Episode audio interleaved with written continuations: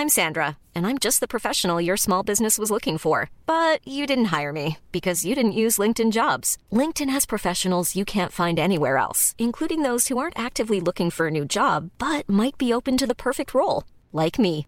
In a given month, over 70% of LinkedIn users don't visit other leading job sites. So if you're not looking on LinkedIn, you'll miss out on great candidates like Sandra. Start hiring professionals like a professional. Post your free job on linkedin.com/people today. Dit programma wordt mede mogelijk gemaakt door Toto. Feyenoord heeft nog altijd de slotfase. Ajax verslaat ook de volgende Gelderse club en AZ wint in het dure Gelredoom.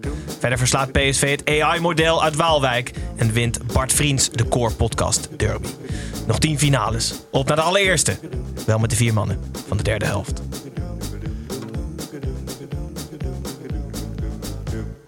Give the, give the, give the cup, hey, give the cup today to, the, to Ajax. Laat mijn jongens niet stikken. Nooit van mijn leven. Die waren gewoon kansloos, die lieve schatten. Ik heb wel wat scheldwoorden en eh, je moeder is je zus en dat soort dingen al wel gehoord. En dat kan ook een verschil maken in een week met eh, drie wedstrijden, negen dagen.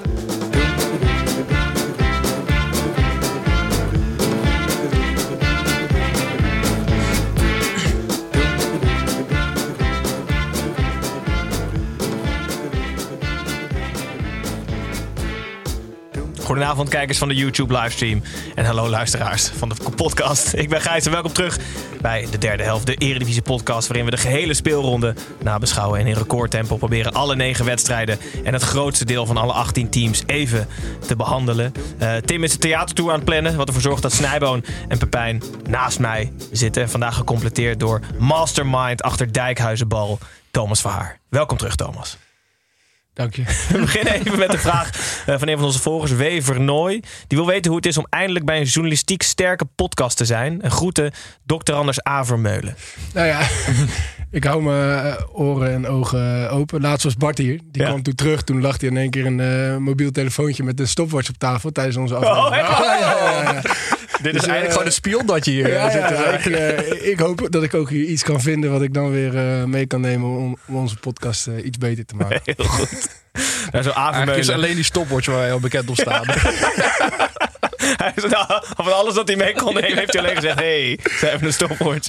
Nou goed, voor de mensen die je niet kennen, je bent oud-prof eh, van onder andere Sparta, Ajax, Cape Town en Excelsior. Inmiddels zit je in de technische staf van de Kralingers en ben je, eh, zoals gezegd, het meesterbrein achter Dijkhuizenbal. Ehm Daarnaast werk je als analist bij, bij Rijnmond. En maak je samen met Bart Vriends en Maarten de Fokkert eh, de nog steeds onvolprezen Core podcast. En was je lid van de vakjury die ons deze mooie schaal bezorgde die hier op tafel ligt. Ja, ondanks mij. Ja, toch bedankt. Goed dat je er bent. Ehm Snijboon, leef je nog? Het, ehm, het is zo verschrikkelijk moeilijk om opeens supporter te zijn van een club die ook daadwerkelijk om de prijzen meedoet. Ik, ik had, als ik dit van tevoren had geweten, had ik dit nooit gedaan. Dan was ik, dan was ik gewoon was ik fan van Everton geworden of zo, denk ik. is veel makkelijker. Mijn hemel, wat zijn die weekenden spannend voor Arsenal nu, zeg. Ik trek dit helemaal niet. Ik snap niet hoe mensen dit doen. Ik, heb, ik, ik ben een dag van tevoren, heb ik al... Ik zat te kijken en ik had een hartslag van 111. terwijl ik voor de tv zat. Dat kan toch niet? Heel goed. Nou, hou toch een jaar vol? Ja, Ik het snap ook dat gewoon niet meer. meer, nee, nee, over drie maanden dood.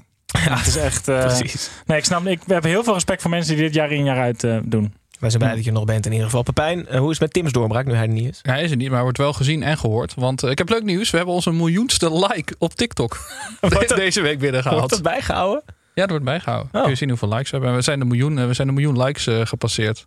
Dus dank alle TikTok-kinders. Hoeveel posts hadden we daarvoor nodig? 10 miljoen? een miljoen en allemaal zelf één keer geliked. Ja, nou, die, die, die Russische clickfarmers die betalen zich wel uit. Dan, hè? Dat was die 1000 euro wel waard. Ja, misschien iets voor jullie eh, ideetje. TikTok voor de Core Podcast. Neem het mee, zou ik zeggen. Maar voordat we dat gaan Serieus doen... best veel, een miljoen. Ja, toch? Ja. Ja. Vond ik ook. Dus gefeliciteerd. Tim is het eigenlijk Ja. eh, altijd. Als we iets Ja, bereiken, is het voornamelijk voor Tim. eh. Ja, precies. De miljoenste like voor Tim. Goed jongens, eh, voordat wij naar de negen wedstrijden gaan... hebben we altijd nog het gestrekte been. En het gestrekte been is een voetbalstelling, Thomas... waarin ik in ieder geval jullie drie even op de zondagavond wakker maken... en op scherp zetten. En vandaag luidt de stelling... de bekerfinale halen moet automatisch een jaar eredivisievoetbal betekenen. Doe even eens of oneens, Snijboon. Eens. Thomas. Ja, als Vitesse zeg maar, het niet haalt met, met, met dat nieuwe stadion, dan zou, dan zou het kunnen doen. Ja, dan oneens. Oneens. Ja. We beginnen bij de gast. Nee, ik ben het niet mee eens. Oh, dan ben ik het eens. Waarom niet? Nee, ja, het is toch mooi dat, dat, eh, dat je in ieder geval Europees voetbal ermee kan halen. En dat lijkt me ook genoeg. En eh, ja, je, je bedoelt misschien ook een beetje op wat ADO deed natuurlijk tegen, tegen PSV. Eh, het- ja, het zou het wel mooier maken voor die, eh, voor die keukenkampioenclubs. En geeft het nog meer lading aan de beker als je de finale... Stel, want... Ja, maar het slaat er nergens op. Je kan natuurlijk van alles, van alles bedenken om het nog meer la. Je kan ook zeggen, ja, ze kunnen Champions League gaan spelen, maar dat slaat er ook nergens op. maar het is, altijd wel, het is altijd wel zo bij die clubs. Als er dan zo'n club ver komt, dan is het. Ze gaan mogelijk Europees voetbal spelen. Dan gaan ze al die regels erbij halen. Of het dan wel mag met die stadions en zo. Maar dat, is, dat gaan ze uiteindelijk nooit redden. Zeg maar, ze gaan nooit die, die beker winnen. Maar ik zou het zelf misschien al zeggen in, vanaf de halve finale. Dat er wel iets meer van een prijs. Want er zit nu alleen zeg maar. Als je plaatst voor de beker, dan zit je in de Eredivisie. Is voor Spakenburg En als er dan drie, Maar als, je, als er ja, dan maar dan- drie- als je als amateurclub de halve finale haalt, ga je naar de keukenkampioen. Het is voor Spakenburg wel lastig, hè? Want als die dan, stel die halen de groepsfase van de Europa League, dan moeten ze altijd op donderdag spelen, maar ze spelen nooit op zondag. Dus die moeten dan verplicht Ja. donderdag, zaterdag, wat natuurlijk echt killing is. En Ja. Daar hebben ze een hele brede selectie voor nodig. Of Champions League halen. Dus dan di- dinsdag, zaterdag kan wel. Ah ja, dinsdag en woensdag is in ieder geval beter dan. Dus jouw suggestie van Champions League was hem niet zo, was hem niet zo gek. Maar nee, maar ik vind wel, ze hebben, er zit natuurlijk financieel gewin aan die beker. Maar het zou wel leuk zijn als er nog even e- ietsjes extra voor die amateurclubs vooral. maar Spakenburg wil toch helemaal niet naar de... Nee, oké, ze hoeven niet naar de... eer- Ja, ik ben altijd allergisch. allebei niet. Ik ben allergisch voor clubs die niet op het hoogste niveau spelen, maar wel Europees spelen. Dat gebeurt heel af en toe. En ik vind het altijd zo raar als dat gebeurt. Maar zijn is ook ook wel eens gebeurd als de Carling Cup Ja. eh, wordt Maar ze ze, hebben het, ze hebben het aangepast op een gegeven moment met die beker. Want het was een tijdje zo dat als de winnaar van de beker dan al Europees speelde op basis van de ranglijst. Dan was de nummer twee van de beker ook automatisch Europees eh, geplaatst in een eerdere voorronde, geloof ik. En daar zijn ze van afgestapt. Dus nu is eigenlijk alleen voor de winnaar van de beker zit er echt, zit er echt iets in. Dus misschien moeten ze dat gewoon, omdat dat het de- halve finale halen van de beker, dat daar iets meer dan alleen geld aan. Maar het eh, is aan wel geniaal, want anders... Ja, dus, dus misschien een, voor een amateurclub dat ze promotie kunnen maken, dat ze recht op promotie Maar ze hebben. willen toch niet, Gewoon die geld. amateurclubs? Ze hebben gewoon geld nodig. Eh, je doet, we zitten Zoals niet echt met een journalistiek sterke podcast. Hè? We moeten gewoon... Nee, Ja, maar, we proberen het wat- Spakenburg heeft, drie ton gekre- heeft nu al drie ton overgehouden aan tv-geld Oh, voor ja? de beker. Nou, dat is, dat is natuurlijk ongelooflijk veel geld voor die mensen. Dat is sowieso al heel veel winst. Maar het is vooral dat ik, zonder dat er zo'n club als Spakenburg nu nog tussen zit, verliest de beker 30% vind ik van de romantiek en van de waarde. Omdat het voor andere clubs gewoon echt minder betekent. Als het gewoon de top 3 was geweest met dan bijvoorbeeld nog een Utrecht of Vitesse erbij, had niemand nu zo, was zo geïnvesteerd in die beker Hmm. geweest als dat mensen in Nederland nu zijn. Dus daar is het wel gewoon heel goed voor dat er zo'n club ver komt. Maar heb je het over degene die kijken of over de clubs zelf? Degene die kijken, ik denk Ja. dat, dat voor die, nou, die, die, top drie clubs hebben sowieso niet heel ongunstig gelood tot nu toe. Dus die, hebben, die zijn een beetje doorheen gecruised. Maar ik, ik had me afgevraagd dat als Ajax PSV een ronde eerder was geweest, of ze allebei met hun sterkste team hadden aangetreden. Ja, de- het is natuurlijk altijd wel een long shot, zeg maar, om, om een beetje te gokken op de beker. Dus Ja. het wordt, wordt voor clubs pas leuk als je, nou ja, voor, voor de clubs waar ik speelde, werd het pas leuk. werd, het al, werd het al leuk in de kwartfinale, zeg maar. Dan Ja. dacht je al van, hé, we zijn al best ver. Ja, omdat Maar het dan ook ten opzichte van waar je in de competitie vaak stond, Ja, maar dan toch, hetgene was waar je op kon richten. maar toch zeg maar, de grootste clubs in Nederland nemen de beker gewoon wel echt serieus. Ja? Ja, vind ik wel. Hm. Ik bedoel, eh, zowel Feyenoord, Ajax als PSV komen gewoon met, eh, met hun sterkste teams eh, bij vrijwel iedere wedstrijd. Of ze moeten tegen, echt, tegen amateurs Ja. spelen. Ja, Ja, het is straks toch echt een journalistieke podcast. Dus voordat, we, voordat dat gebeurt, gaan we... Gijs, maak even een, maak even een grap waar Arno van Meulen boos om zou worden. Dan kunnen we weer door.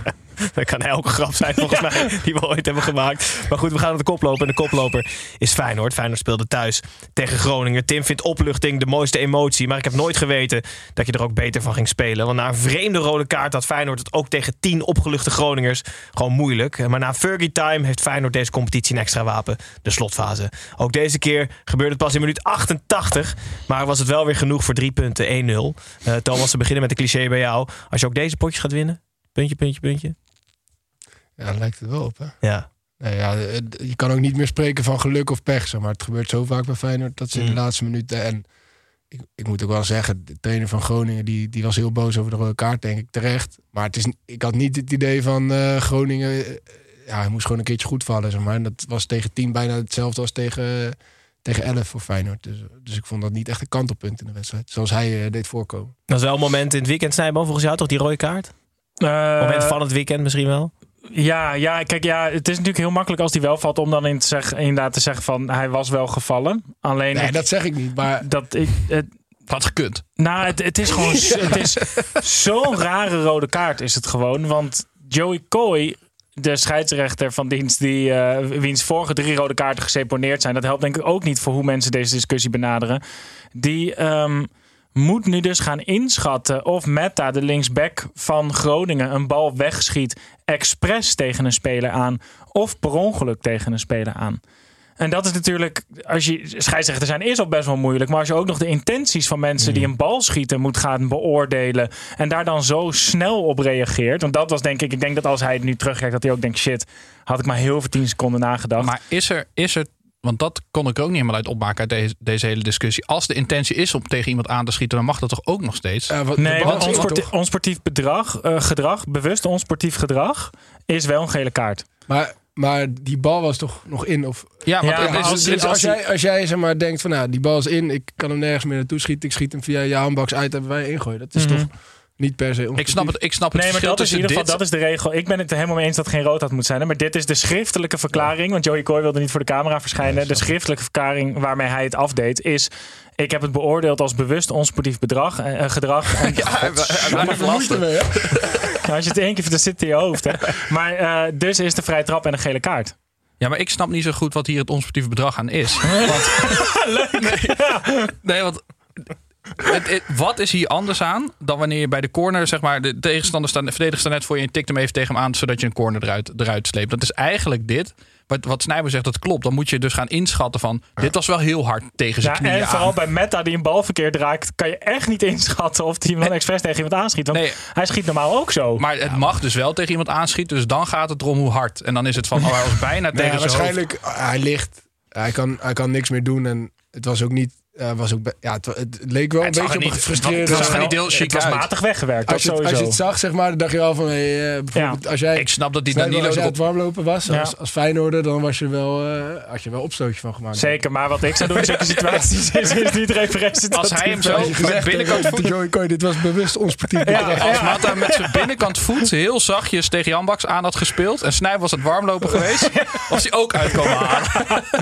Oké, we sluiten de wedstrijd af. Feyenoord wel drie punten en drie punten dichterbij. Het Ga je- ik wil het nog wel even over de slotfase hebben. Ja. Want we, hadden, we, we hebben bedacht dat we gewoon later tegen onze kinderen gaan vertellen... dat slot, slotfase, dat dat woord dit jaar bedacht is. Gewoon als de 10 minuten aan het eind van de wedstrijd... dat slot zijn mannen naar voren stuurt. Want het is wel echt een, een kracht dat worden. Het is toch heerlijk als je gewoon als team zoveel vertrouwen hebt... Want daar gaat het volgens mij om in zo'n slotfase. Dat je gewoon denkt, van, hij gaat nog wel vallen. Wat vind jij ervan dat, eh, want Slot doet zoveel dingen goed dat mensen nu ook een beetje op zoek zijn naar hetgene wat dan niet goed aan hem is. En heel veel mensen hebben daar nu gekozen dat het is hoe die met scheidsrechters met de vierde man omgaat. Ja. Is dit gewoon spijkers zoeken op laag water? Of Ja. is, is dat ook echt een irritante eigenschap aan hem? Nee, ja, ik snap ook wel. Hij is één keer boos geworden. En daarna hebben ze vier keer eh, best wel het, het geluk wel aan hun zijde gehad. En dat krijgt hij weer terug. Dus dat is, ook, eh, dat is denk ik ook logisch. Maar ja, hij is echt een krankzinnig goede trainer. Ja. Ja, dat ja. Echt weinig te vinden wat hij niet goed doet op dit moment.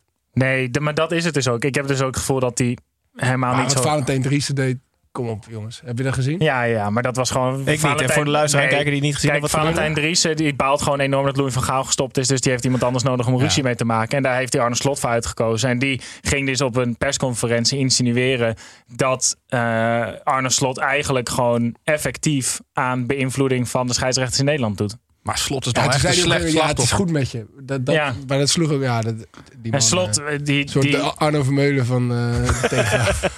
nou ga je te ver, denk ik. nou, nou heb je het echt gedaan.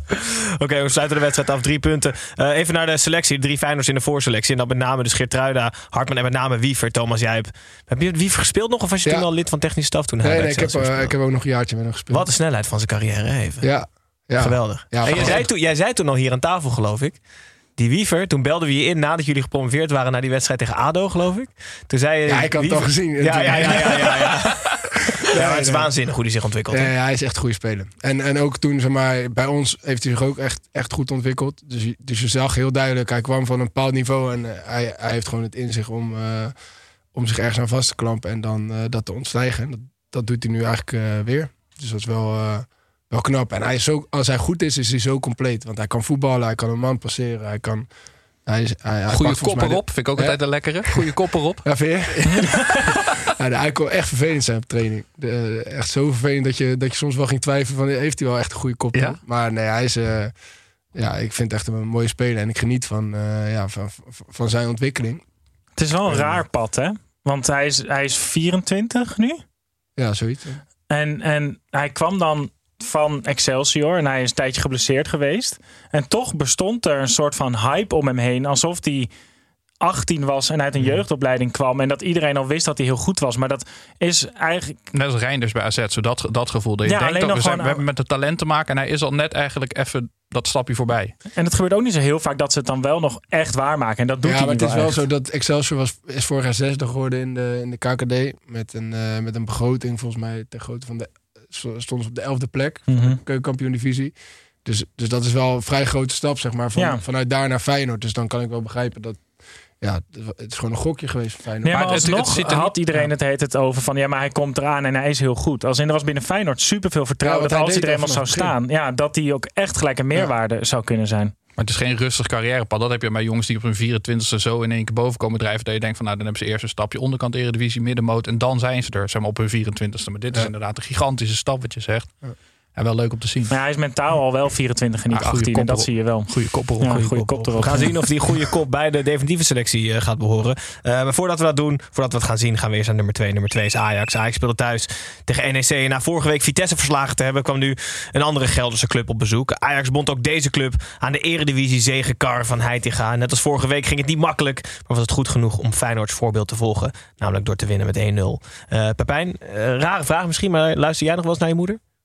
Ja, ik mocht niet meer eh, kritisch zijn ook van mijn moeder. En me niet meer te veel mengen in de, de Ajax-discussies. Dus eh, ik ga alleen maar positief zijn eh, hier aan tafel over Ajax. En we hebben vorige week ook hier aan tafel besloten dat we alleen Tadic nog maar mogen bekritiseren om zijn, eh, om zijn gedrag. En niet meer om zijn eh, eh, spel op het veld. Want we zagen vandaag ook een statistiekje voorbij komen. Dat hij, want hij was natuurlijk weer met de assist eh, belangrijk. Dat hij 120, als ik het Nee, goed heb, hij heeft 112 gecreëerde Ja. kansen. En de 112. nummer 2 op de lijst heeft er 60. in de Eredivisie. Ja, dus, het, is, het is echt krankzinnig. Dus als je, als je dat terug gaat rekenen per wedstrijd, ja, dan, dan moet je wel bovenaan staan eigenlijk. Als je Tadic hebt, hij, hij wordt gewoon heel erg in de steek gelaten door zijn teamgenoten. ja, ik ga het in één helemaal positief aanvliegen van Tadic. Maar hij wordt gewoon in de steek gelaten door zijn teamgenoten. Dat ze niet bovenaan staan. Want wat hij, wat hij eh, creëert, is echt, eh, is echt geweldig. En ik, wat me bij deze wedstrijd ook opviel, is hoe goed Sillis eigenlijk gewoon nog is. Dat is toch gewoon nummer één keeper voor Nederland, voor het Nederlands elftal. Wat hij, wat hij ook gedaan heeft en hoe naar die ook is, je moet hem gewoon eerste keeper. Positief, blijf positief. Kun je het eruit knippen voor mijn moeder? nee, maar de, de- zeg maar, je moet er gewoon eerste keeper maken, toch? Want het probleem is dat hij geen tweede keeper kan zijn. Nou, dan, dan maar niet, dan maar eerste keeper. Dan heeft hij zich zo vervelend, is hij zo vervelend geweest dat hij zijn zin heeft eh, gekregen. Want eh, hij moet erbij zitten. Zo makkelijk hoor. Jij als nieuw ouder, ik vind dat je je makkelijk erbij neerlegt. Als iemand gewoon heel vervelend is, krijgt hij zijn zin. Ja, misschien moet ik nog leren dan dat dat dus andere kan. Dan moet ik hem juist straffen. Maar nee, ik, vond hem, ik vind het eh, misschien niet de allerleukste speler, maar ik vind hem wel echt, echt heel goed. Maar Gijs, waar jij op doelde net, was natuurlijk Bergwijn. Ja. Die eh, tegen Union Berlin betrokken was bij een opstootje. Eh, een best wel heftig opstootje. En die, eh, die daarna daarover zei dat hij... eh, hij was bij zijn moeder op het, op het matje geroepen. Die had hem even toegesproken dat hij dat, hij dat niet meer mocht. Had jij dat, was dat bij jou, eh, weet jij gelijk eh, na de wedstrijd ook toegesproken? Werd, eh, waren er een soort interne evaluaties ook toen jij speelde? Nee, maar mijn moeder die, die wilde eigenlijk vooral dat ik zou stoppen met voetbal en mijn studie weer zo snel mogelijk eh, zou Dat oppakken. heeft ze gewoon je hele carrière gezegd. Na Ja, elke ja. wedstrijd. Ja, ja, ja, ik ben wel trots hoor, maar ik vind, zou het wel fijn vinden als je nu weer eh, gewoon naar school gaat. Gewoon je papiertje halen, Ja. dat idee. Ja, dus dat heb ik toen maar gedaan. Eh, Een andere speler van Ajax die teruggekomen is in de basis is Davy Klaassen. En over Davy Klaassen zeggen ze altijd... Oh, in de 16 staat hij altijd op de goede plek. En dan zat ik te denken... Is dat in het leven buiten het voetbalveld dan ook zo? Dat hij altijd overal op de goede plek staat? Dat is toch heel goed? Als je Een erover beetje dat, nadenkt. Bru- dat Bruce Almighty idee. Dat als, net als er zo'n rokje omhoog gaat bij een vrouw, dat jij er dan net langs loopt. Zodat, dat, Als dat de goede plek is die bij jou ik hoofd hadden het over de goede rij bij de kassa. en de goede rij in de file. En jij zegt gelijk dit. word ik weer gecanceld. Maar het is, toch, het is toch heel goed als je altijd op de goede plek staat? Ja, dat lijkt mij heerlijk. Ja. Ja, ik sta namelijk altijd... Het is ook, je hoeft dan ook niet meer te Nee, maar twijfelen dat is over welke baan je perceptie. pakt. Dat is perceptie. Ben jij die gozer in de file die dat elke keer van baan gaat wisselen? Dan denk je, ja, god, dan gaat die andere weer harder. 100% Nee, maar dat is dus niet zo. En dan rijdt Dave Klaas altijd vooraan. Ja, ik deed het achter het glimmende kan je daar goed in zijn? Dat je iedere keer zeg maar, op het juiste moment eh switcht. Ik denk dat je daar goed in kan zijn. Dat je gevoel hebt voor eh, welke baan je Voor de filestromen. Ja, Ja, ja, ja. Davy Klaassen dus, denk Ja. ik. Maar, Ja, ja. Die, die, die, die lijkt me wel zo iemand die daar goed in is. Hij heeft dus nog nooit in de file gestaan, denk ik. Maar is Klaassen dan ook... Want wat ik altijd heel irritant vind in de supermarkt... als er een kassa open gaat... en dat dan het is... jullie kunnen nu ook bij deze kassa terecht... dat dan mensen van achter in de rij dan denken... oh, dan ga ik naar die kassa. Alsof niet al die mensen voor je dan ook naar die kassa En willen. dat is de stadisch. Ja. Maar Klaassen zit er dan net voor. maar. Juiste jij hebt het over de juiste plek, zeg maar. En, en de- dat is natuurlijk best wel een raar, eh, een raar begrip. Want, Ja, heel raar. Ik want zat dat betekent zeg maar dat waar de bal komt, staat Ja. hij altijd. Ja. Ik, ik denk dat je het misschien wel moet omdraaien. Dat er meerdere spelers zeg maar, op zo'n plek staan waar de bal regelmatig komt. Maar dat als hij de bal krijgt in de 16... Dat hij, dan gewoon, dat hij dan zoveel kwaliteit heeft dat hij dan eigenlijk bijna altijd wel hangt. Ja, denk Dus je dat er niet het- zoiets als, als de juiste plek is? Ja, tuurlijk. Pieper in Nee, nee, die- tuurlijk. Ja, Je, je, eh, eh, Daan Bovenberg die heeft dat ook wel eens een keer gezegd. Die, die, die, die heeft, ja, die, dat is een sl- slimme gozer. Die heeft de wiskundeknobbel. En die zei van ja, dat heb ik wel gebruikt eh, tijdens corners en, eh, en vrije trappen. En die, die stond ook heel vaak op de goede plek. En die, en die weet dat aan ja, een soort van wiskundig inzicht. Het is dat die- scannen ook, toch? Daar gaat het nu ook bij, bij spitsen heel vaak over. Van hoe vaak je scant. Volgens mij was er zo'n onderzoek dat Haaland iets van 70% meer om zich heen keek in de situatie dat hij niet de bal had. Waardoor op het moment dat de bal dan onderweg was, dat hij een veel beter overzicht had van de situatie die er was dan alle mensen om hem heen. En met Eudegaard was het nu volgens mij dat eh, je hebt van die, de, deden ze van die scans in zo'n simulator. En toen vroeg hij na één rondje of de snelheid niet op 120% mocht. Want hij vond het te makkelijk in die scanner. En ik denk dat als je op die manier in het voetbal zit, dat het dan altijd voelt alsof je altijd op de juiste plek staat. Maar je snapt gewoon eerder waarschijnlijk waar de bal maar dat maakt het een soort van nog knapper van Klaassen. Want dat gevoel krijg ik bij hem niet. Dat hij, zich heel, nee, dat hij heel erg omgevingsbewust is of zo. Dat, Nee. Hij is hij, eh, een beetje zo gewoon eh, oogklep op en gaan en rennen. Oh nee, zo- dat vind ik juist helemaal niet. Nee, Nee? ik vind dat hij juist altijd met precies de juiste snelheid aankomt lopen bij de situatie, precies als de bal daar komt. Juiste plek. Ja. Juiste plek. Klaas op de juiste plek, Ajax op plek 2. Gaan we door naar de nummer 3. Dat is AZ. AZ speelde uit bij Vitesse. De jaarlijkse wedstrijd waarin Vitesse-icoon Theo Bos op prachtige wijze geëerd werd... was er voor Vitesse een scherpe eentje, om snel te vergeten. De in de voorselectie opgenomen lange keeper kon niet voorkomen... dat een schot van Carlson via zijn handschoenen tegen de touw verdween. En Vitesse dus weer net tekort komt, hoewel AZ wel betere kansen had. 0-1 voor AZ. Snijboon. Het weekend begon nog zo goed voor Kjell. Ja, tot eh, ieders en vooral mijn grote verbazing zat Kjell Scherp in de voorselectie van het Nederlands elftal. Nou was dat wel een voorselectie van 37 mensen, dus dat zegt niet zoveel als dat het soms doet. Eh, maar zoals Kjell Scherp helaas wel vaker doet, eh, miste hij ook weer een, een balletje een beetje. En toen werd hij na de wedstrijd geïnterviewd en toen zei hij ook tegen degene die hem interviewde... Ja, meestal als ik hier sta is het niet zo goed nieuws. En toen dacht ik, ja, maar heel vaak ook wel als mensen na de wedstrijd geïnterviewd worden. Maar dat overkomt Kjell Scherpen dus gewoon helaas heel weinig. Die wordt daar ook alleen maar gevraagd als die een misser heeft. En dat is toch, Dus voor een keeper natuurlijk wel, wanneer je onderscheidt, is vaak wel in de negatieve zin. ja, is dat zo? Dat denk ik wel. Zeg maar dat het echt zo opvallend is. Als je gewoon een, een, een prima pot keept, dan word je niet voor de camera gevraagd. En, en met een blunder natuurlijk wel direct. Dus ik denk dat het ook wel een beetje het lot van een keeper is. Dat je gewoon altijd, of vaak in ieder geval, de lul bent. Ja, en Ja, ik vind het ook wel, wel een beetje lullig dat mensen zo erg... Hij heeft natuurlijk wel... Hij, hij keept niet echt een gelukkig seizoen, zeg maar... in termen van dat hij regelmatig bij tegengoals betrokken is. Maar wa- wat ik wel heb geleerd de afgelopen jaren... is dat het vak van keeper zeg maar zoveel meer is dan dat. Dus het zou best wel eens kunnen zijn dat hij gewoon bepaalde dingen echt super goed doet. ja, En hij wordt natuurlijk gewoon tactisch en technisch gewoon heel... Ja, denk ik heel streng beoordeeld door Patrick Lodewijks. En die ziet dan wat in hem, denk ik. ja. Maar ik misschien- het, het is en wel, misschien maar is het wel wel je kan toch niet ontkennen dat het een bijzondere, bijzondere selectie is. Hij heeft volgens mij het laagste, of één na laagste reddingspercentage. Dus dan moet hij het blijkbaar ergens anders heel erg mee compenseren. Ja. En dat zie ik bij Jel Scherpen ook niet. eh. Ja, ik heb echt geen verstand van keepers, dus ik kan er niet heel veel eh, over zeggen. ik ook niet hoor, maar dat doe ik wel. Nee, maar het is dan wel altijd dat als inderdaad zo iemand wordt opgeroepen, dan schieten, schieten er altijd gelijk twee dingen door mijn hoofd. Of zij hebben dus ook helemaal geen verstand van. Of, Hij weet iets. nee, of ik heb hier dus zo weinig verstand van dat ik me dus heel erg laat leiden alleen maar door wat je ziet in Ja. het voetbal. En niks van daarachter. Met keepers is dat inderdaad, denk ik, nog makkelijker om alles te missen wat ook belangrijk is aan een keeper. Want Ja. al het onbewuste zien wij niet. Ik in ieder geval niet. Maar ik heb dat idee niet bij Kjell Scherpen. Maar ja, misschien met een beetje groei. Het is, eh, kan natuurlijk best wel zijn dat hij gewoon een laatbloeier nog wordt. En Ik hoop niet dat, dat hij als- groeit, wat je net zegt. Dat zou echt ongelooflijk ongelukkig zijn. Doet hij zo het dak van het Vitesse, schuift hij zo dicht voor de wedstrijd. krijgen ze dan huurkorting. dat ze dan, dan kunnen ze zelf het dak dicht doen. Dus dat Is het hens als je in de kosten. 16 staat en je hebt er handen erbuiten? Ja, dat Anders kan je gewoon net als met darten zo lang dat je gewoon in één keer erin kan prikken. Kan hij dan ik weet bal... nooit zeker hoe die hensregel zit. Ja, dat is denk ik wel eens. Ja, in de dat is- 16. ja, dat is Ja. wel hens. Als je met je voeten erin staat, handen erbuiten. Ja. Oké, dan gaat het niet op. Dan Nee, moet hij niet meer groeien. Eh, even over naar AZ. AZ wint gewoon weer, staat derde. Thomas, help ons. Wij kunnen vrijwel nooit iets boeiends over AZ zeggen. Ja. Jij met je Rijnmond ervaring, journalistieke podcast. W- wat moeten we van AZ Ja, vinden? vroeger zat Owen Wijndal er nog. Toen, toen kon ik nog wel... Ja. Die zit nu tegenwoordig aan, eh, bij de beste linkerkant van Europa. Ja. Nee, AZ is echt, echt een fantastische ploeg, man. Echt goede ploeg. Die, eh, als, je, ja, als je niks echt moois over AZ kan, eh, kan vertellen, zou ik aanraden om een keer gewoon eh, te gaan kijken naar een wedstrijd. Heb je ook nog andere tips? Nee, maar kijk, de vraag is wel anders. We kunnen wel wat moois zeggen over AZ. Het is gewoon heel erg goed en heel erg degelijk. Maar het is... Ja, het is wel meer dan degelijk. Maar toch? wat Als je- als je kunnen ze nou zoveel Hè? beter dan de rest?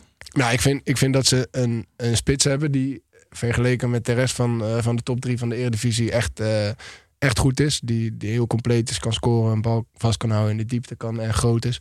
Dus dat, dat vind ik al mooi om te zien. En als je kijkt zeg maar, naar hoe zij tactisch dingen doen. Zij zijn, vooral als ze de bal hebben, zijn zij echt eh, heel bewust bezig met het vinden van zwakke plekken van tegenstanders. En eh, dat is bij die andere top drie clubs wel net wat minder. Veel meer op individuele kwaliteit dan gericht. ja, en bij Feyenoord gaat het natuurlijk heel erg om, om, om pressen. Dus vooral als ze de bal niet hebben, daar, eh, da- daar worden zij eh, heel gevaarlijk door. En Ajax gaat altijd heel erg uit vanuit hun, eh, van, vanuit hun eigen idee en hun eigen kracht. En PSV, ja, zeg maar. Die hebben Xavi Simons. Nee, ja, ja, nee, maar die hebben, die hebben, dat gaat meer om individuele kwaliteit. En AZ is gewoon een ploeg die, eh, die met heel veel, ook, ook jonge jongens, eh, door jonge jongens in te passen, gewoon eigenlijk ja, heel stabiel blijft pres- presteren. Dus dat is wel, eh, ja, dat vind ik wel mooi om te zien. Hij werd al genoemd als opvolger van Slot, toch? Pascal Pascal Jansen. Oh, ik dacht Thomas Waar bij deze, door, deze, door, de- door deze. Nee, die gaat dan weer naar AZ. Ja. Ja, ja, ja. Heel goed. Eh, dank daarvoor. Eh, dank om ons uit brand te De helpen. machine AZ. Wij maken, een, wij maken een klein uitstapje naar buitenspel. Edwin, Kevin hier, buitenspel. Ik hoor je nu voor half, Oké, Edwin. Edwin, buitenspel. Bij buitenspel nemen in ieder geval Pepijn en Snijboon iets mee van buiten de lijnen. Dus eh, wat hebben jullie meegenomen, jongens? Pepijn, Snijboon. Hallo. Even Tim, jullie. Gijs, Karin. Even jullie. Ehm, ik las een artikel over Ronaldinho. Die is 42 en die speelt mee in een 7 7 tegen 7 competitie die georganiseerd wordt door eh Gerard Piqué. Eh, en daar speelde hij in een wedstrijd die eindigde in een gelijkspel. En toen moesten de shootouts genomen worden. Maar die shootouts die waren een beetje op dat eh, een beetje jaren 90 MLS Mhm. eh, manier. Dus dat je er op de keeper af ging dribbelen en dan moest afwerken. En toen Ronaldinho daarachter kwam, wilde hij die penalty niet nemen. Dat hij geen zin had om dat sprintje te nemen van de middenlijn tot het doel. en de- ik denk dat dat het, de, de grootste verdette neiging is die ik in mijn leven heb gehoord. Dat je in een 7 tegen 7 wedstrijd niet een shootout wil nemen omdat je het sprintje naar de keeper te ver vindt. Ook bij Ronaldinho eh kort sabel gevat. Maar Ja. heeft hij geweigerd of zei hij gewoon van uh, gaan jullie maar eerst en als ik dan nog aan de beurt Nee, nee, hij zei: dan, eh, Ben jij gek? Dat ga ik niet doen. Gaan jullie maar. En toen liep hij het veld af. ja, dat is zo mooi. Pepijn, wat heb jij meegenomen? Ja, ik wilde toch ook nog even stilstaan bij de 13-0 overwinning van eh, Zwolle tegen FC Den Bosch. En ik, eh, ik, ik zat die wedstrijd een beetje op, op livescore te volgen. En toen zat ik op het eh, Twitter-account van eh, FC Den Bosch. En ik weet dus niet of dit bewust is. Dan is het briljant. En als het onbewust is, is het zo mogelijk nog briljanter. Maar daar houden ze dus gewoon de sco het scoreverloop en het wisselverloop houden ze bij. En dan heel af en toe. Weet je, als het een saaie wedstrijd is, dan willen ze nog wel eens tussendoor iets over de wedstrijd te zeggen. Maar hier konden ze dus eigenlijk alleen maar het scoreverloop doen. Dus het ging eh nou ja, 1-0, 2-0, 3-0, 4-0, 5-0, 6-0. Eh 6-0, maak zijn vierde, 6-0, nog 1, 7-0. En dan, nou, zo ging het verder door. 8-0, 9-0, 10-0, 11-0. Het is 11-0. Geen doelpunt te maken meer erbij. En toen 80ste minuut. Dylan Ryan weet knap de bal voor de lijn weg te werken. Blijft 11-0. dus het is het enige inhoudelijk hebben ze op 11-0 dat er toch nog iemand de bal van de lijn Categorie, het kan nog. Ja, dus, vet. maar dat was... eh, Die keeper die had een, eh, een 0,6 als beoordeling Ja, voor die wedstrijd. Ik heb, ik, ik Had jij, dacht- had jij beter gedaan als je, als je had jij meer dan 13 goals tegengekregen als je had gekiept die wedstrijd? Of heb je niet gekeken? Ja, nou ja, het, het- ik, ik, ik kan me bijna niet voorstellen dat ik er meer door zou laten. Ik denk dat het ook 13 keer geschoten is. Ik dacht, aan, die, nee, die eerste keer van de Bos is een oud teamgenootje van mij. Dus ik voelde me helemaal eh, zuur voor hem. En toen keek ik, toen was het die, die wissel. Die, Ja, heeft, dat is wel triest. hè. ja, die heeft 90, 90 minuten betaald voetbal en 13 doelpunten tegen. Ik zou gewoon 13 keer Jelle ten Rouwelaar doen. Gewoon ongelooflijk boos worden op degene die voor je staat. Ja, maar als je 13-0 verliest, kan je ook niet zeggen dat het alleen aan, aan de keeper lag, toch? Nee. Nee, dat denk ik dan Nee, ook ik, ik zag wat doelpunten. Daar zag ik ook wel wat, eh, eh, wat dekkingsfoutjes voorbij komen links en rechts. Ja, evenaring van het record van Ajax volgens mij tegen VVV. Een paar jaar geleden, ook 13-0. Ehm, goed, dat was buitenspel. Gaan we door naar binnen de lijnen en wel naar PSV. PSV speelde uit bij RKC. De Waalwijkse AI-machine, door jou omgedoopt Pepijn, eh, genaamd Jozef Oosting, nam het op tegen PSV. Zoals in elke AI zit hier ook blijkbaar wat foutjes. Want RKC kwam de 0 in achterstand niet te boven. En makkelijk ging het niet bij PSV. Wint deze uitwedstrijd wel en blijft zo qua uitslag sowieso in de slipstream van de top 3. 0-1. Ehm, namelijk Thomas. Eh, Luc de Jong viel uit, maar kondigde deze week zijn interlandpensioen aan. Ehm, het gaat ook best wel veel over het feit of koppen verboden moet worden. Nou gaan we even 15 jaar naar voren in de tijd en dan hebben we een nieuwe Luc de Jong. Waar zou Luc de Jong hebben gespeeld als koppen verboden was in het voetbal? Daar ben ik echt heel benieuwd naar. Eh, weet ik niet. Dat is wel, Ja. dat, dat is wel zijn, echt, zijn echte kwaliteit. Zijn ja, ja. Hij, hij heeft toch ook, eh, hij staat toch, hij heeft toch de meeste kopdoelpunten in de top 5 competities van, eh, van Europa. Oh, dat zou kunnen, ja. Zoiets. Gewoon Ja. dit jaar of, of overal? Overal volgens mij. Ja, dit jaar kan toch niet? Hij heeft niet in alle vijf competities. Nee, maar ik bedoel van alle... Sterker nog, geen één volgens mij. Nee, maar ik dacht weer dat hij er dit jaar zeven heeft gemaakt. en Dat dat dan... zeg Oh, maar, zo. Nee, nee, nee. zeg maar van alle... Ja, ja, ja. ja, dus, nou ja, hij heeft in, in nogal wat competities dan Ja. eh, kop, kopgoals gemaakt. Want hij heeft helemaal niet zo he- heel veel goals gemaakt. Ja, wel in Nederland, maar voor de rest in het buitenland niet zo heel veel doelpunten. Nee. Maar alles wat hij maakt is gewoon met de kop. Ja. Het is, het is, als hij zijn dag heeft, dan lijkt het echt. Want ik was ehm, in, eh, bij PSV Arsenal, was ik. En die wedstrijd was hij zo goed. En dan is het ook echt alsof hij een magneet op zijn voorhoofd heeft. Ja. Dan slaat, dan, dan controleert hij ook alles met zijn hoofd. En dan dribbelt hij met zijn hoofd als het zou kunnen, weet je wel. Hij, hij, het lijkt ook wel alsof hij, hij kan gewoon meer met zijn hoofd dan met zijn voeten. Gewoon serieus. Maar ik maak me echt wel zorgen om zijn, eh, om zijn toekomst. Hij heeft zo vaak sneeën, bulten. Ja, hij gaat natuurlijk ook elke bal aan met zo. Want dat is gewoon beter dan zijn linker en zijn rechterbeen. Bijna dat hij zo... Precies, trappen met Luc de Jong. Iedereen hij ligt op de grond. Maar ik heb, dat wel in, ik, heb, ik heb dat steeds meer in het voetbal. Ik weet niet of het de kwetsbaarheid is nu als vader. Maar nee, maar dat, dat, dat, dat kop en die hoofdblessures ik kan er gewoon helemaal niet eh, Ja, tegen. maar- ja, mijn oma heeft ooit een keer, eh, toen, ik nog, toen ik een jaar of vijf was, een brief gestuurd naar een amateurclub. Dat, eh, dat ze vond dat, eh, dat wij niet mochten koppen. Oh, ja? Dat is, eh, Er is ooit, denk ik, 25, 29 jaar geleden. 25 jaar geleden bij het Jeugdjournaal ook een Ja, eh, dat 1 was de 1 aanleiding daarvan. Ja, een 1 ja. april, Ja. 1 april grap geweest. Toch dat, we, dat de helm eh, bij Ajax in de jeugd, dat ze helmen gingen dragen Ja. tegen het koppen. Maar dat was toen nog een 1 april grap. Maar als ze het nu zouden doen, zou ik het eigenlijk niet heel raar. Nou ja, ik, ik heb wel een theo- theorie, zeg maar als je met je voorhoofd kopt, denk ik dat het niet zo, eh, niet zo extreem veel kwaad kan. Maar spitsen koppen heel veel met, eh, met de zijkant van hun hoofd, want die moeten sturen en die krijgen de bal van de zijkant. En ik, ik heb, bij Sparta speelden we iedere dag kopvolleybal en dan gooiden die bal op. En dan kopten we met onze zijkant van ons Oh, dus hoofd. dat, dus dat is het. en toen- ja, ja, nou serieus. Op een gegeven moment ging, ik- kwam ik, eh, zeg ik tegen- Michel Breu, ik was altijd samen met hem. Ik zei, hey, ik was op een verjaardag en ik kwam, gewoon, ik kwam gewoon niet meer op naam. Hij zegt, ja, dat heb ik ook gek. Dus, dus, toen, zeiden wij, toen zijn wij naar pastoor gaan. Zeiden we, hey, kunnen we misschien wat minder vaak eh, dat kopvolleybal doen? En toen werd het weer, eh, toen draaide het weer bij, Ja, want zeg ik, maar. ik hoorde Bart Vriends volgens mij pas daar ook iets over zeggen, toch? Dat, die, dat ze nog maar... Of was dat, dat was bij ons? Dat die nog maar zeven keer... eh, Ja, ik was het er niet. Nog Ja. maar zeven keer kop, of dat hij ongeveer zeven keer kopt en dat ze dat wel probeerden te, Ja. tot een minimum Ik- ja, te beperken op die Ik training. denk dat Michel Breu ook wel links en rechts een balletje gekopt heeft in zijn carrière. Mijn hemel. Ja. Maar ik denk, kijk, als koppen zou zijn dat je inderdaad alleen maar de perfecte bal met je voorhoofd zou koppen, zou het niet zo'n probleem zijn. Maar het gaat inderdaad om alle duels en eh, de kop stoten en, en verkeerd neerkomen. En alles wat komt kijken bij het koppen, dat is het gewoon super gevaarlijk. Want weet je, ik vind ook van die kopduels en dat je dan gewoon op hun rug eindigen, helemaal gedraaid. En, Maar Luc de Jong Het was is gewoon vorige week ook weer. joh. Die had, die had een weer kopduel gehad. En, en dat voorhoofd dat viel gewoon zo langzaam over zijn Ja. hele hoofd heen. echt. Hij moest zo zijn voorhoofd zeg maar, steeds voor zijn ogen weghalen. Ja, maar je het hebt was, ook dat voorbeeld van Wout Hoorda, toch? Ik weet niet of je die, eh, die- dat is een oude spits van, eh, van Sparta, die, die is eh, aantal jaar geleden gestorven, maar die had, die had Alzheimer.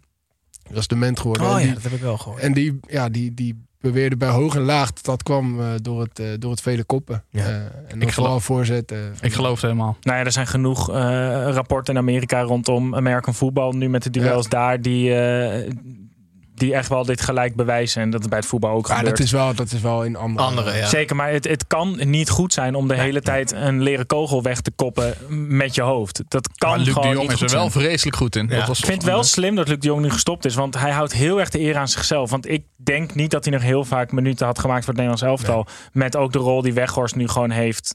Die is hem wel echt voorbijgestreefd, denk ik. Qua reputatie nu ook. En op de, de- nu kan hij wel echt nog door de voordeur vertrekken, ook bij het Nederlands elftal. In plaats van dat hij gewoon een paar keer niet opgeroepen meer zou worden en dat het dan klaar zou zijn. Dus maar, jullie, maar jullie zeggen dus over een paar jaar eh, kan, je, kan je een penalty tegenkrijgen als je een eh, bal op je hoofd geschoten krijgt. Oh, indirecte vrije trap. Ja. Kops. Of, je mag, of, hoofd. of als je tegenstander een bal kopt, dan mag jij gelijk naar de eredivisie. Of Champions League. Champions League, ja. Heel goed. Bij jeugdvoetbal is het er nu toch uit? Ja, volgens mij wel. Tot de 12? Ja, volgens mij zoiets. Ja, ze spelen met kleine goaltjes, denk ik. Maar ik zou het niet weten. Heel goed. Ehm, PSV wint gewoon met 0-1, net als de rest van de top 4. En de nummer 5 is nog steeds FC Twente. En FC Twente speelde thuis tegen Herenveen. En Ron Jans moest het eh, tijdens deze editie van zijn afscheidstournee doen zonder een aantal A-artiesten. Omdat, ondanks dat werd het een zeer vermakelijk optreden. Twente kwam 3-1 voor, maar omdat beide ploegen moeite hebben met winnen, eindigde deze wedstrijd met voor beide hetzelfde liedje, namelijk geen winst. Wel allebei een punt en optreden van te genieten dus. 3-3, Snijboon, heb je ook genoten? Ik vond het eh by de leukste wedstrijd van het weekend. Ehm, en eh, kijk, dat Twente iets kwetsbaarder ging zijn dan, dan dat ze een groot deel van het seizoen zijn geweest. Dat zagen we wel een beetje aankomen. Dat zijn ze de afgelopen weken al. Ze missen gewoon wat spelers. Eh, maar Herenveen is wel gewoon echt, echt een hele leuke ploeg aan het worden. En dan zeker Milan van Ewijk, die we ook wel eens een beetje belachelijk hebben gemaakt. Omdat hij zo vol zelfvertrouwen is. En bijvoorbeeld over zichzelf zei dat hij niet snapte waarom PSV Moena had gehaald. Omdat hij dat ook wel aankon. Eh, en ik begin eh, wel steeds meer in de droom van Van Ewijk te geloven eigenlijk. Want ik kan niet zo heel veel rechtsbacks aanwijzen in de Eredivisie die beter zijn dan hij. En, en die, die drive naar voren hebben, maar ook in de duels gewoon wel zo goed zijn. Natuurlijk is er nog genoeg te verbeteren. Maar ik, ik, ja, ik denk dat als niet een goede Nederlandse club hem nu haalt, dat er een buitenlandse club hem wel op het lijstje heeft staan. En dat hij dan gewoon lekker naar Duitsland gaat nu. Hij is wel echt goed bezig en aanvallend gewoon super sterk. Vijfde doelpunt alweer dit Ja. seizoen.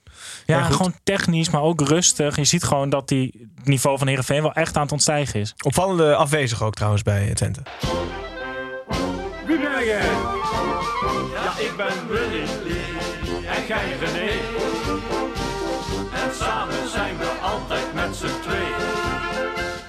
Ja, hij is in ieder geval ingestuurd door Jurgen de Heus. Want ehm, eh, Joshua Brenet was niet eh, aanwezig ehm, bij deze editie van de wedstrijd. Hij was geschorst wegens kritiek die hij uit op zijn wissel. Volgens mij of zijn houding naar zijn wissel. Ja, die heeft zich gericht op een YouTube-carrière in Engeland. eh. Oh, is dat een YouTuber ja, dat is- geworden? ja, ja, hij is YouTuber in Engeland geworden. Ja, je moet toch wat met zo'n vrije week dan? Ja. Ja. Dankjewel voor insturen, Jurgen de Heus. Komt Ik het vind op echt matig. kanaal. Die hebben we toch ook- Ik heb, ik heb zo vaak, ik zei het net ook al, ik heb zo vaak lookalikes naar jullie toegestuurd. En dan wint deze het van al die dingen. Hij is niet slecht, maar diegene die ik heb ingestuurd, die zijn minimaal net zo Maar goed. we, hebben toch ook een keer met de Narsing gehad? Eh, dat dus je zou kan, goed dus je kunnen. kan Brenet eigenlijk ook met Nasser. Ja, ja, ja. Maar dan, dat is dan het zo, wordt het zo'n Pokémon-evolutie. Dan zijn ze gewoon met z'n drieën. ja, ja, precies. Eén ding wat mij nog opviel in deze wedstrijd was de plaatsing van de sponsor op het shirt van Heerenveen. Kun je het uitshirt van Heerenveen eh, voor de geest halen? Zwart-rood? Zwart met rode banen, maar dan staat Aus Noustria volgens mij veel te hoog.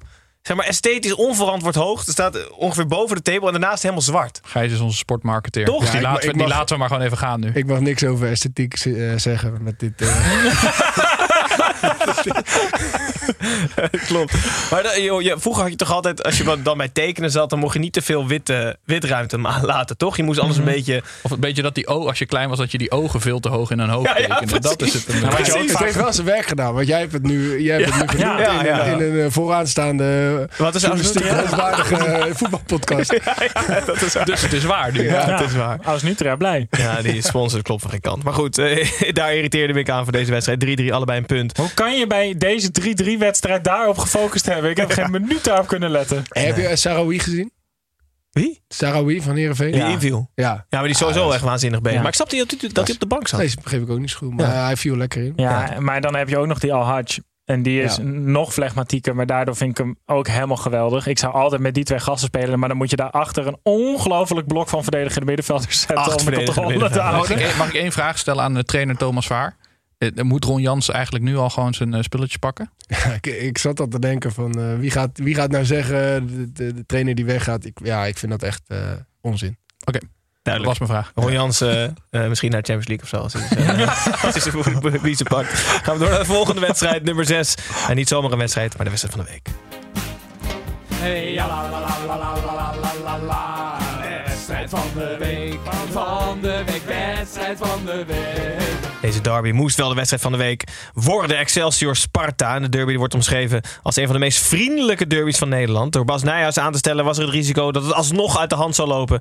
Maar dat gebeurde niet. Na een goede eerste helft van Excelsior waren de Kralingers 10 minuten na rust wel heel vriendelijk door drie goals ehm, te incasseren. Zo eindigde de Core Podcast Derby in 1-4 voor Bart Vriends. Eh, Thomas, hoe vaak heb je Bart eh, weggedrukt op je telefoon vandaag? Nee, hij, heeft, eh, hij stuurt me nooit zo heel veel appjes. Maar eh, vandaag, eh, na een uurtje of eh, vier ineens wel heel veel. Ja, ja. Hoe is het? Hey, Ja, ja, jullie waren wel goed. veel kansen, handige spelertjes, weet je wel. Eigen, ja, en, en ja, dat komt Dat even iemand heel erg naar beneden praat als je 4-1 net gewonnen hebt. En dan zo... Ja, ja ik, ik zag statistieken voorbij komen voor wat ze waard zijn. Dat wij, dat wij eigenlijk wel. daarin stond dat wij eigenlijk een veel grotere kans hadden om, om deze wedstrijd te winnen. Naar, eh, als je onze kansen zag tegenover die van Heb Sparta. je dat ook teruggestuurd naar of niet? Ja, ik zeker. ik, ik- we hebben laatst een aflevering opgenomen met een uh, dataspecialist. Ik zeg, ik heb hem teruggestuurd. Ik zeg, dit, kan je, dit begrijp jij tegenwoordig ook toch? Maar die van, die van Lamproe had die ene kans had een XG van meer dan één ook. Ja, ja, ja nou, dat denk ik wel. Ja. Ja. Nee, we hadden echt een paar grote kansen. Maar er is één dingetje wat me is opgevallen vandaag. En heeft niet zoveel met voetbal te maken. Maar ik zat toch te denken, jullie luisteraars zijn volgens mij vaak eh, mensen die, die, die vaak naar het stadion gaan. En ik denk dat er ook wel wat fanatieke eh, fans bij zitten die misschien achter de goal staan van de, van de ploeg die ze supporten. Bij de warming-up, als, als de ploeg gaat afwerken tijdens de warming-up.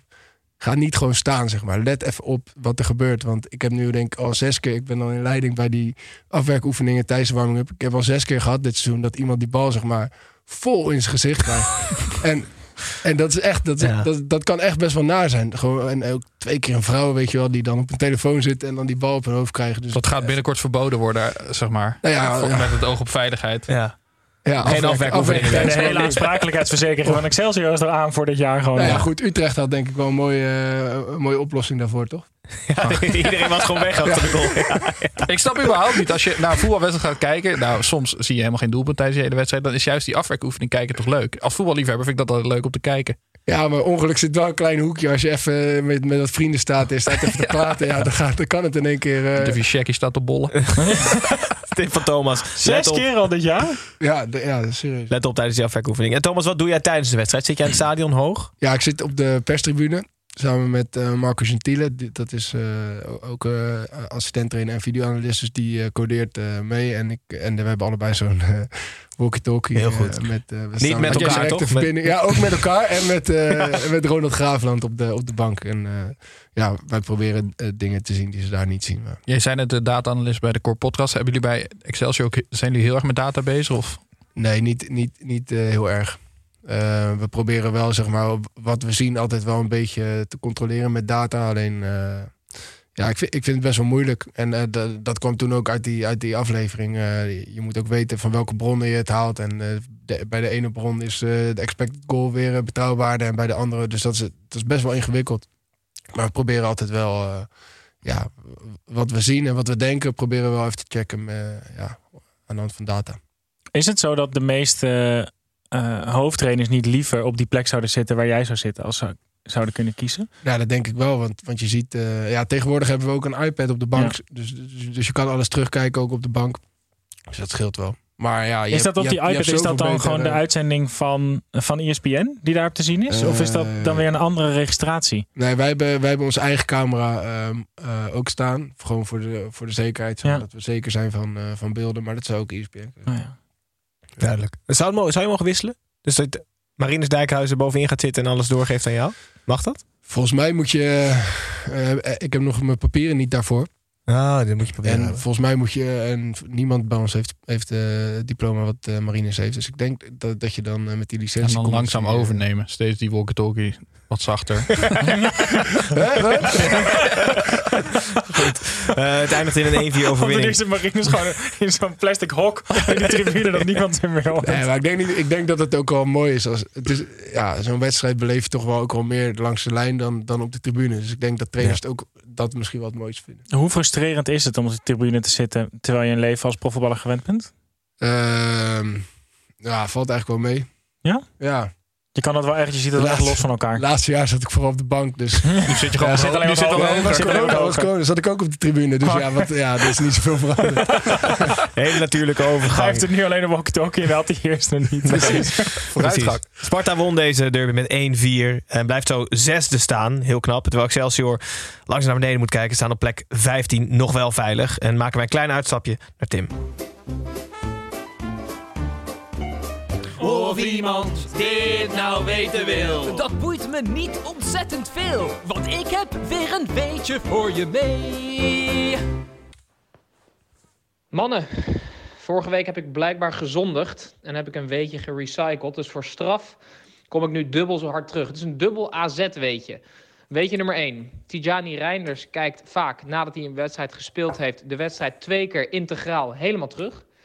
En de tweede is... Michailovic heeft als kind voor kerst ooit een voetbalkelder gekregen voor onder zijn huis. Later. Heel leuk. Goed jongens. Toch wel eh, wat AZ-juice. Ja, toch wel Ja. wat AZ-juice. Heel goed. Een Ehm, bijzondere ploeg is dat toch, hè? We hebben nog drie wedstrijden. We hebben nog drie wedstrijden. We hebben nog eh, 21 seconden. Dus we gaan als de brandweer. Echt super handig zo'n stopwatch. We gaan de brandweer naar de laatste drie om te beginnen. FC Utrecht tegen Fortuna Sittard. Utrecht trainer Silberbauer Sneller. ontbrak bij de 1-4 bekernederlaag tegen Spakenburg. Hij zat met migraine in een donkere kamer. En na deze wedstrijd zou heel FC Utrecht in die donkere kamer eh, willen zitten. Want de Domstedelingen verloren weer. Dit keer vlak voor tijd met 1-2 van Fortuna Sittard. Uiteindelijk eh, staat Utrecht wel gewoon waar het hoort. Namelijk netjes zevende Pepijn. En blijft Fortuna ontzettend knap elfde. Maar wat een week voor Utrecht, Pep. Ja, wat vreselijk. Maar vooral wat vreselijk wat een supporters en wat die club zichzelf klein maakt deze week. Want dat, hele, dat filmpje van Silberbouw heb je waarschijnlijk wel gezien. Dat hij een soort van excuses gaat maken als... Nou, het is net of er iemand naast staat met een, met een gun op zijn Ja, hoofd. de Taliban staat net buiten beeld. 100%. Ja, Zo'n gijzelingsfilmpje lijkt het net dat hij wat op, moet, eh, wat op moet lezen. En daarmee maak je de supporters zo groot. Want je hebt die supporters nodig. Na zo'n week heb je zeg maar Feyenoord die toen eh, 10 onderuit gingen bij, eh, wat was het, bij PSV. PSV. En toen daarna tegen VVV uitverkocht Kuip. Dat wil je zien na, na de meest pijnlijke weken uit je, uit je club, eh, club bestaan. Vervolgens gaan die supporters dus, die denken van... oh, wij moeten ook een statement afgeven... want Silberbouw heeft ons heel groot gemaakt. En die gaan dan de eerste vijf minuten op de Bunnik zijn wegblijven. Nou, ik zag beelden voorbij komen... dat die, die hadden dan A4'tjes. En daar stond dan schaam je kapot op. Dus dan denk ik, dat, hoe gaat het? Ja, dat, dat, dat dan een of andere...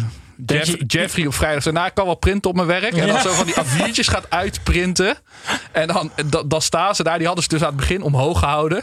Maar ja, toen gingen ze aan het einde gingen ze dus weer nat in die 86e minuut. En toen gingen mensen allemaal van die verfrommelde A4'tjes weer oppakken. En gewoon nog een keer weer zo schaam je kapot. Ik vond het zo helemaal treurig aangezicht met die supporters. Ga lekker achter je club staan, joh. Die hebben dat toch nodig. En het is, toch ook, het is toch ook voetbal. Het is een verhaal. Je verliest van de amateurs. Nou, ik snap dat je er op die avond zelf vreselijk van baalt. Maar je kan toch niet dan dat weekend nog een statement gaan willen Terwijl het toch juist ook wat beter ging bij Utrecht, vind ik. Sinds de komst van Sielbebouwer zat er Ja. echt wel wat meer lijn in het elftal. Werden er veel meer punten gepakt. Het is best, En- er hing best een positieve sfeer rondom Utrecht. En, en ga daar lekker op door. Ga ik achter- snap het idee nooit als supporter hoe je dan in de situatie bent komen te leven waar je het gevoel hebt dat de club jou iets verschuldigd is.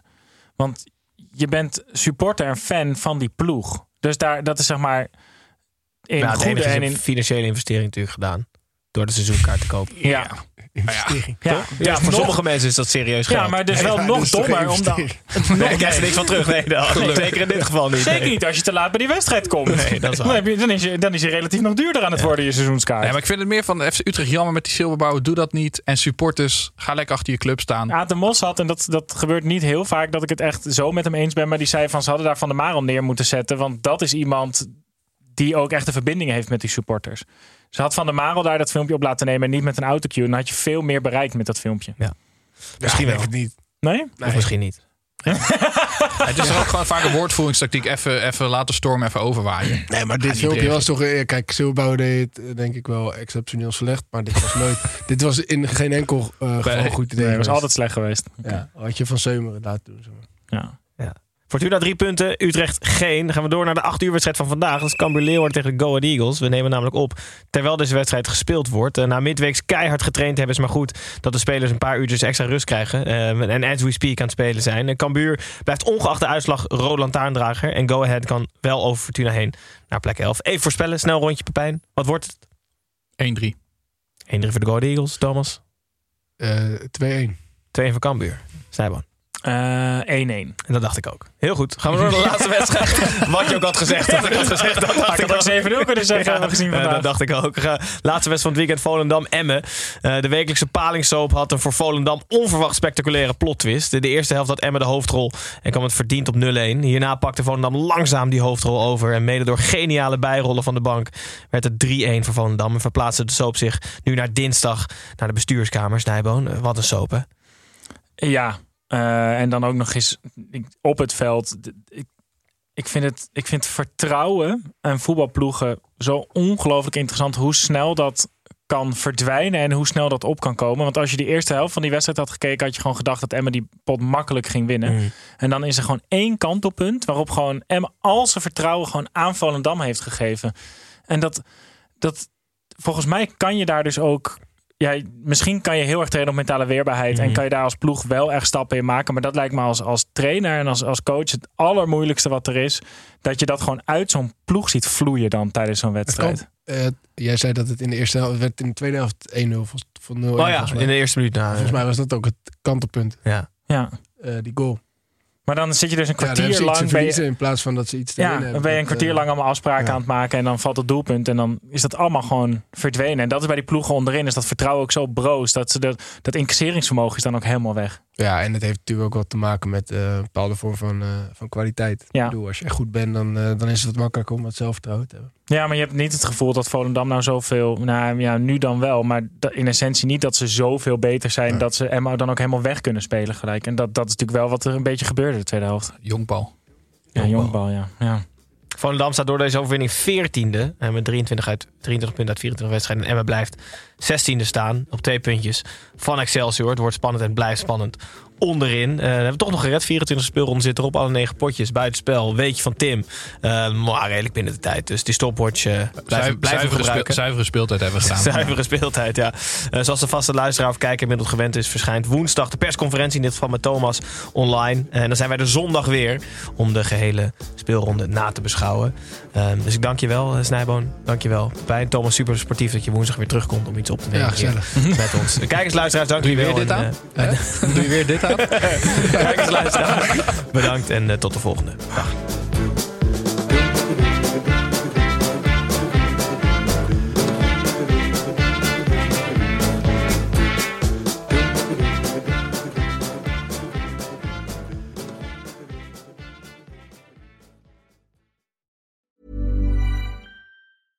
Als je toch de tijd neemt om een podcast te luisteren, dan kan het maar beter je favoriete podcast zijn. En elke maandag in je favoriete podcast-app. Snapt iemand nu dat de podcast ook echt je favoriete podcast heet... en dat het gemaakt wordt door Stefan de Vries, Julia Heetman en Sean Demmers? Waarom praat je over jezelf in de derde persoon? Waarom, waarom, er staat hier Sean Demmers en Julia Heetman. Waarom moet jij nou weer voor mij? Dat ging per ongeluk, Sean. Ja, dat ging per ongeluk. Ja, jezus. Steve, jij moet nog nee zeggen. Oh, nee.